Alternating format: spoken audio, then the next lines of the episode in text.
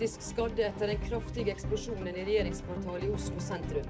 Dagene som følger, kommer til å kreve enda mer. Uavklart for 13 norske Statoil-ansatte i gisselaksjon. Dette er en av de mest alvorlige situasjonene som Statoil noensinne har vært i. Hurtigruten får kraftig kritikk etter smitteskandalen i sommer.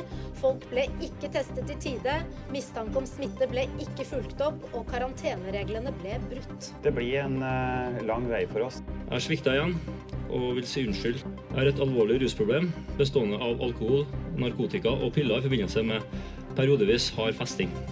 Men Norge har kommet gjennom vanskelige tider før. Plutselig skjer det. Alt som ikke skulle skje. Krisen rammer akkurat oss, og det haster med å få kontroll.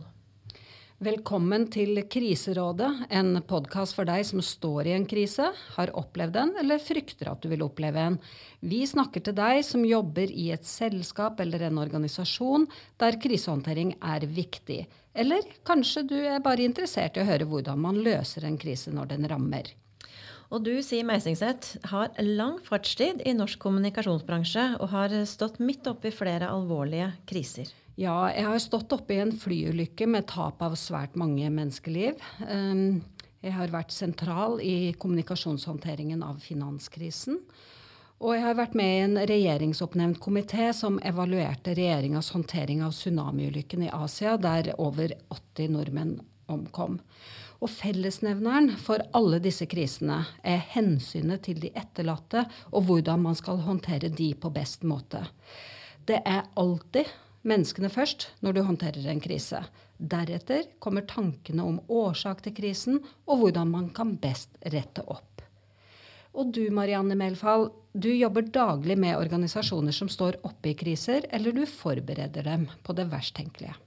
Ja, eh, det er jo sånn at når det verste først eh, skjer, at det er så gæli, så må vi i hvert fall ta med oss den dyrkjøpte erfaringen. Og Derfor så vil jo jeg som kriserådgiver jobbe hver dag med også type virksomheter som enten står midt oppe i krisen og trenger hjelp for å håndtere den. Men aller helst så jobber jeg jo med beredskap. Eh, det å være forberedt før noe skjer. Og da trener jeg organisasjoner, mens det ennå er tid, til å få på plass beredskapsplaner, skjønne rollen og hvilket ansvar man har. Hvem skal man samarbeide med, osv. Og, så og slik få opp mestringsfølelsen for den trenger du rett og slett. For hvis det er sånn at du bare husker hvor grusomt det var da vi øvde, så har de fleste lite å by på når det smeller, altså. Og jeg prøver vel kanskje da heller å veilede, dytte, lokke folk til å øve smart.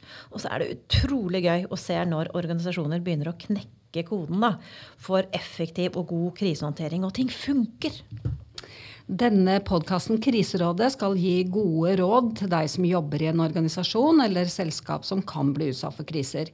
Vi skal snakke oss igjennom ulike kriser og lytte til dem som har stått midt oppi krisene. Ja, og vi skal jo da snakke om hvordan du tar vare på tilliten i en krise. Til og med kanskje bygger den. Proaktiv stabsmetodikk, som gir deg oversikt og kontroll.